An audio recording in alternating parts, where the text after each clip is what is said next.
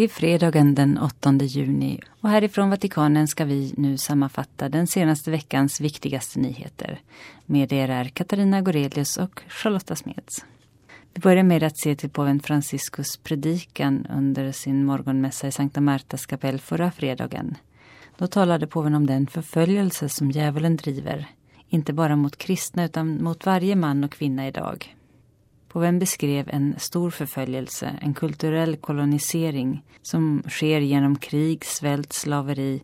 För i princip är vår samtid en tid av slavar, sa han. Förföljelsen är en del av den luft som den kristna andas idag. Vår tid räknar många, många martyrer.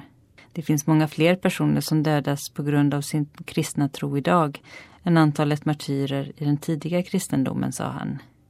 Men det är ingen nyhet värd att publicera att kristna förföljs, men så är det. Men påven noterade att det idag även finns en annan förföljelse av män och kvinnor som Guds avbild. Bakom varje förföljelse, både på kristna och andra, så finns djävulen som försöker förstöra å ena sidan förkunnelsen av Kristus, å andra sidan mannen och kvinnan som Guds avbild. Vi läser om det från begynnelsen i Första Mosebok, om viljan att förstöra harmonin som Gud har skapat mellan man och kvinna. Harmonin som kommer ur att vara skapade till Guds avbild. Djävulen lyckades då med det genom att förföra och bedra. Det är hans vapen, ännu idag alltid detsamma. Det djävulen vill är att just förstöra människornas värdighet som beror på att människan är skapad till Guds avbild. Därför denna förföljelse. Slutligen nämnde påven Franciscus krig som ett redskap för att förinta folket. Men även de människor som planerar och driver krigen för att ha makt över andra förintas. Liksom de som driver vapenindustrier för att förstöra mänskligheten, för att förstöra bilden av man och kvinna, både fysiskt, moraliskt och kulturellt. Idag, avslutade påven, är inte bara de kristna förföljda i världen utan alla människor, män och kvinnor, eftersom varje förföljelses fader inte tolererar Guds avbild och likhet. Han angriper och förstör den bilden. Det är inte lätt att förstå detta. Det krävs mycket bön för att förstå det. Och efter att påven Franciscus hade bett Angelus på söndagen bad påven för Nicaragua efter att han har hört om upptrappningen av våldet mellan polisen och demonstranterna mot landets president Ortega. Revolten började för sex veckor sedan och har redan skördat över hundra dödsoffer. Påven sa att tillsammans med biskoparna i Nicaragua så uttrycker han sin sorg över det allvarliga våldet. Kyrkan är alltid för dialog, sa han, och dialogen kräver ett aktivt engagemang för att friheten och framförallt livet ska respekteras. Jag ber att allt våld ska upphöra och att man arbetar för att möjliggöra för dialogen att återupptas så snart som möjligt. Påven Franciscus ska skicka ett personligt brev till presidenten för den chilenska katolska biskopskonferensen som han har lovat landets biskopar. Det sa den heliga stolens presstalesman Greg Burke i ett pressmeddelande som släpptes på torsdagen. Under förra helgen mellan den 1 och 3 juni så tog påven Franciscus emot en andra grupp övergreppsoffer i Sankta Marta i Vatikanen. Under tiden kommer Monsignor Cicluna och Monsignor Bertomeu återvända till Chile som en del av sitt pågående uppdrag för att nå ut till dem som föll offer för den chilenska prästen fader Fernando Caradimas övergrepp och de är nu där för att genomföra ytterligare utredningar i ärendet. Och på måndagen tog påven Franciscus emot en ekumenisk delegation från den tyska lutherska kyrkan under en privat audiens i det apostoliska palatset i Vatikanen. Mötet sker strax inför påven Franciscus resa till Genève den 21 juni i samband med att kyrkornas världsråd firar 70-årsjubileum. Resan till Genève kommer att likna påvens resa till Lund för reformationsminnet hösten 2016. Om den resan talade påven i sitt tal till den tyska delegationen på tisdagen. Påven sa låt oss inte glömma bort att börja med att be eftersom ekumeniken inte beror på mänskliga projekt utan den helige Ande. Endast han kan visa vägen och upplysa de steg som vi måste ta. Kärlekens helige Ande kan bara visa oss till kärleksfulla vägar, sa påven. Och han påminde om att vi först och främst är kallade till att älska varandra för att sedan tillsammans lindra de fattigas och de förföljdas misär. Påven Franciscus underströk att vissa frågor som eukaristin och kyrkan och prästämbetet kräver djupa teologiska reflektioner.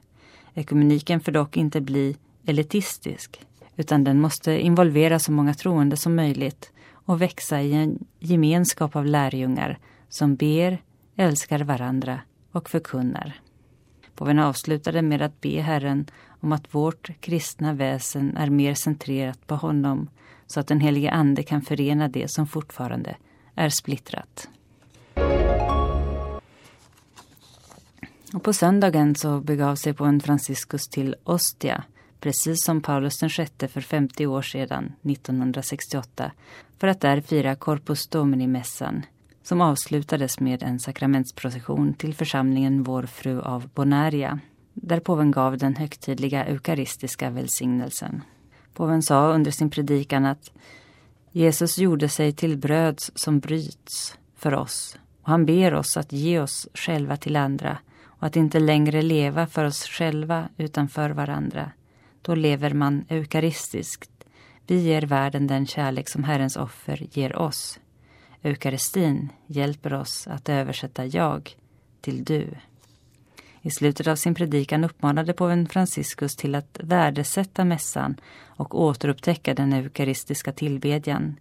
Vi söker kontinuerligt efter tillfredsställelse, efter det som känslomässigt kan mätta vår hunger, efter komplimanger, presenter och allt mer avancerad teknik. Men ingenting kan mätta oss mer än eukaristin, där vi möter Jesu kärlek, frid och glädje, sa påven. Precis som under sin Angelus tidigare på dagen sa påven att Corpus Domini-högtiden är en skola i konkret tålmodig och uppoffrad kärlek, som Jesu kärlek på korset. Jesu närvaro i eukaristin är som en dörr. En dörr mellan kyrkan och gatan, mellan tron och historien, mellan Guds stad och människans stad. Ett brev från troskongregationen klargör påven Franciscus tanke vad gäller den interkonfessionella äktenskapsdebatten i den tyska biskopskonferensen. Det krävs ytterligare studier för att fördjupa denna ekumeniska fråga som berör hela den universella kyrkan. I brevet uppmanas de tyska biskoparna till att invänta förhållningssätt som involverar hela den universella kyrkan. Prefekten för troskongregationen skriver på uppdrag av påven Franciscus till ordföranden för den tyska biskopskonferensen om den känsliga frågan vad gäller tillträde till eukaristin som protestant gift med en katolik. De kristna ungdomarna i Hongkong förbereder sig nu för ungdomsmötet som den ekumeniska kommuniteten Taizé i Frankrike varje år organiserar på någon plats i världen. I år hålls mötet Förtroendets pilgrimsfärd, som det kallas, i Hongkong mellan den 8 och den 12 augusti. Drygt 15 000 ungdomar från hela världen väntas komma till det. Vi upplever detta initiativ som ett tecken på tro, hopp och kärlek som idag är så nödvändiga i vår värld och för Hongkong, särskilt för att främja rättvisa, försoning och fred. Det skriver de kristna ledarna i Hongkong. Vi måste fostra våra ungdomar på detta sätt så att de kan bidra till att förvandla samhället. Och med anledning av fotbollsmästerskapen som snart inleds i Ryssland har Moskva-patriarken Kirill uppmanat fotbollsspelarna till askes. För utan självkontroll kommer de inte att kunna motstå frestelsen att vilja uppnå ära och berömmelse och de måste försöka behålla lugnet. Patriarken säger att samma sak sker i det andliga livet. Ingen framgång utan självdisciplin och uppoffringar. Just här läggs grundvalarna till en djup förbindelse mellan kyrkan och den kristna synen på idrott. Om man granskar idrottsmännens framgångar och deras biografi så ser man hur allt förvandlas till ett nederlag om äran och självbelåtenheten får övertaget. Så länge som mästaren står på prispallen går allt bra. Men när han upphör med sporten börjar de personliga ambitionerna att förstöra allt inifrån. Därför måste den andliga styrkan absolut ledsaga idrottsmannen, skriver den rysk-ortodoxa patriarken Kirill. Med ett telegram från Vatikanens statssekreterare kardinal Parolin till den apostoliske nuncien Monsignor Tevenin i Guatemala uttrycker påven Franciscus sin närhet till befolkningen i Guatemala som har drabbats av vulkanen Fuegos utbrott. Påven är djupt bedrövad över den sorgliga nyheten om vulkanen Fuegos våldsamma utbrott läser vi i telegrammet. Påven ber om dödsoffrens eviga vila och för alla de som lider på grund av naturkatastrofens följder. Påven Franciscus tog emot de påvliga missionsverken på audiens. Påven tackade kardinal Filoni för sina inledande ord och hälsade särskilt på påvliga missionsverkens nya ordförande Monsignor Gianpietro Daltoso och uttryckte sin tacksamhet för dess arbete med att medvetandegöra Guds folks mission. Påven nämnde missionsmånaden oktober 2019 som han kallade till på Världsmissionsdagen 2017 och bad om alla att väl förbereda för att denna månad blir ett tillfälle för hela kyrkan att förnya sin mission. Månadens tema Döpta och utsända Kristi kyrka i världsmission handlar just om att alla döpta är kallade att missionera. Amazonasynoden kommer att firas samtidigt som missionsmånaden och påven sa att han hoppas att detta sammanträffande hjälper oss att se Jesus Kristus när vi bemöter problem så att han hjälper oss att i evangeliets tjänst engagera oss i att rädda de kvinnor och män som bor i detta område. Sport är en rik källa till värden och en plats utan barriärer där man upplever tävlingsglädjen för det gemensamma. Det skriver påven i ett brev till kardinal Farrell i samband med publikationen av dokumentet Ge sitt bästa om sambandet kyrka och sport. Påven skriver att sporten är en mötesplats mellan personer och en privilegierad miljö utan åtskillnad på ras, kön, religion och ideologi där man kan uppleva tävlingsglädjen för att uppnå ett gemensamt mål. Påvens brev är riktat till prefekten för påvliga avdelningen för lekmän, familjen och livet, kardinal Kevin Farrell, vars avdelning tillsammans med påven har skrivit dokumentet. Heliga stolens ständiga observatör vid FN i New York, Monsignor Bernardito Oza, talade vid ett möte den 1 juni med tanke på globala dagen för föräldrar. Mötets tema var effekterna av gott föräldraskap på barn och samhälle. De många fördelarna med att vårda barnets integritet i hemmet. Och det sponsrades av Heliga stolen och Universal Peace Federation. Och Monsignor Åsa påminde om att denna globala dag instiftades år 2012 för att hylla föräldrar världen över för deras osjälviska livslånga engagemang för att vårda och skydda sina barn och hjälpa dem att helt mogna som människor. På fredagsmorgonen tog påven Franciscus emot Bayerns ministerpresident Markus Söder med följe på audiens. Efter ett hjärtligt möte och traditionella utbyten av gåvor tog sig ministerpresidenten till Mater Ecclesiae-klostret för att hälsa på påven emeritus Benedictus XVI som kommer just från det tyska förbundslandet Bayern. Under bikten får man inte skämmas för sin egen skamkänsla. Det skriver påven Franciscus i ett förord vid sjätte upplagan av skriften som kommer ut tillsammans med tidskriften Trenta Giorni, 30 dagar och som har sammanställts av fader Giacomo Tandardini. Påven påminner om att ett av målen med skriften är att föreslå hur man kan bikta sig på ett bra sätt och inte skämmas för sin egen skamkänsla, för att även skammen är en nåd som driver oss att be om förlåtelse. För Herren räcker det med en antydan av ånger, skriver påven. I bikten måste vi konkret fördöma synderna utan att hålla något tillbaka. Men sen märker vi att det är Herren själv som stänger vår mun som för att säga det räcker så.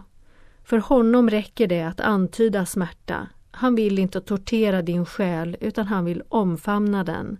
Han vill att du ska vara glad. Påven Franciscus talade vidare om konfirmationens sakrament i sin trosundervisning under onsdagens allmänna audiens och sa sammanfattningsvis i vår pågående trosundervisning om konfirmationen vänder vi oss nu till några av dess effekter. Den heliga Andens gåva som tas emot i sakramentet gör det möjligt för oss att själva bli en gåva för andra. Som en del av Kristi mystiska kropp är vi kallade att dela kyrkans liv och mission både universellt och inom vår lokala församling. Som ett vältaligt tecken på denna kyrkliga dimension ges konfirmationens sakrament vanligen av stiftets biskop vars uppgift som en av apostlarnas efterträdare är att främja kyrkans enhet genom den rika mångfalden av den heliga Andens gåvor. Biskopens fredstecken och den nykonfirmerade påminner om att var och en måste verka för uppbyggandet av en församling i tro, kärlek och kristen tjänst. Må vi som har tagit emot detta sakrament öppna våra hjärtan varje dag för den heliga Andens befriande andetag och blåsa eld i gåvorna som vi har tagit emot för varandras, hela kyrkans och världens bästa. I videobudskapet med juni månads bönintention som sammanställs av påvens världsbönenät ber påven om böner till Gud för att sociala nätverk inte suddar bort våra personligheter utan bidrar till solidaritet och respekt för olikheter. I budskapet för bönintentionen för att sociala nätverk ska främja solidaritet och respekt för den andre i sin olikhet understryker påven att internet är en Guds gåva och även ett ansvar. Påven talar om att den nya kommunikationen öppnar många personers horisonter och att den därför måste vara medmänsklig. Påven avslutar sitt budskap med orden Vi ber tillsammans för att sociala nätverk inte ska ta bort vår personlighet utan främja solidariteten och respekten för den andre i sin olikhet. Det har gått tre år sedan påven Franciscus gjorde sin apostoliska resa till Sarajevo. Påven kom till staden som fredens och hoppets pilgrim och på Kosovo stadion ropade han Aldrig mer krig. Påven talade om att det på kort tid har byggts upp synagogor, kyrkor och moskéer i Sarajevo och att staden har kommit att kallas Europas Jerusalem på grund av dess mångkulturella och mångreligiösa karaktär. Han sa att man därför måste bygga nya broar och vårda och restaurera de befintliga. På torsdagen den 7 juni klockan 11 mötte Nordiska biskopskonferensen påven Franciscus. Biskopskonferenserna håller sina apostoliska adlimina-möten med påven ungefär vart fjärde år men nu är det redan åtta år sedan Nordiska biskopskonferensen avlade sitt förra besök. Torsdagens besök var alltså det första med påven Franciscus och kardinal Arborelius berättade för Vatican News efter biskoparnas morgonmässa i Birgittakyrkan samma dag att de såg fram emot detta. Under miljösymposiet i Aten läste kardinal Peter Turkson upp påven Franciscus budskap till patriark Bartolomeus den förste och deltagarna med en stark uppmuntran att tillsammans ta hand om skapelsen och uppmärksamma de svaga. Påven skriver att han bevarar sitt besök på den grekiska ön Lesbos friskt i minnet då han tillsammans med patriarkerna Bartolomeus och Hieronymus den andre fick tillfället att uttrycka den gemensamma oron för situationen med migranter och flyktingar. Det var då, skriver påven, som han slogs av tanken att ett så vackert hav har blivit en grav för män, kvinnor och barn som till största delen bara ville fly från omänskliga förhållanden i sina hemländer. Där, lägger han till, kände jag själv det grekiska folkets generositet så rik på mänskliga och kristna värden och deras ansträngningar, trots effekterna av deras ekonomiska kris, att trösta dem som har mist allt de ägde och som kommer till deras kuster. Påven citerar sig själv från sin encyklika Laudato Si. Vi fördömer även de framtida generationerna att leva ett gemensamt hem som är i sönderfall Påven ber om samvetsrannsakan vad gäller den ekologiska krisen som vi upplever och ställer frågan Vilken slags värld vill vi lämna över till de som kommer efter oss, till barnen som växer upp? Påven hänvisar sen till sitt budskap för världsbönedagen för vård av skapelsen som firas den 1 september som han har skrivit tillsammans med patriark Bartolomeus och understryker att plikten att ta hand om skapelsen utmanar alla personer av god vilja och inbjuder de kristna att erkänna den ekologiska krisens andliga rötter och samarbeta med att ge ett entydigt svar på problemen. Stanna upp var du än är klockan 13 den 8 juni och sänk huvudet och be för freden. Även i år i samband med fyraårsdagen sedan mötet mellan presidenterna Peres och Abu Mazen samt patriarken av Konstantinopel Bartolomeus som hölls i Vatikanen med påven Franciscus som också hade anordnat det den 8 juni 2014. Vi minns påvens ord från den 7 juni 2017 då han påminde om bönen för fred som skulle ske dagen därpå i vår tid finns ett stort behov av att kristna, judar och muslimer ber för freden. Den nordiska biskopskonferensen avlade sitt Adlimina-besök hos påven Franciscus på torsdagen den 7 juni. Biskopskonferensens ordförande, monsignor Czeslaw Kotson, biskop av Köpenhamn, berättar i en intervju med Vatican News om mötet som han beskriver som mycket öppenhjärtigt. Detta var de nordiska biskoparnas första samlade tillfälle att möta påven Franciscus och de blev mycket uppmuntrade av att kunna tala och diskutera fritt. Påven tog själv upp frågor kring ungdomar och biskoparna berättade att eh, de katolska ungdomarna i Skandinavien är mycket medvetna om den katolska tron och försvarar och praktiserar den. Påven uppmuntrade biskoparna att följa ungdomarna och hjälpa dem att ta bra beslut. Sen ledde samtalet till kallelser och biskoparna berättade för påven att kallelserna går framåt med tanke på det låga antalet katoliker i dessa länder. Men dock är situationen inte så optimistisk vad gäller kvinnliga kallelser. Påven tog sen själv upp frågan kring ekumeniken och de talade också om interkommunion. Biskoparna berättade att även om de inte står inför samma utmaningar som de i Tyskland till exempel så kommer frågan upp då och då.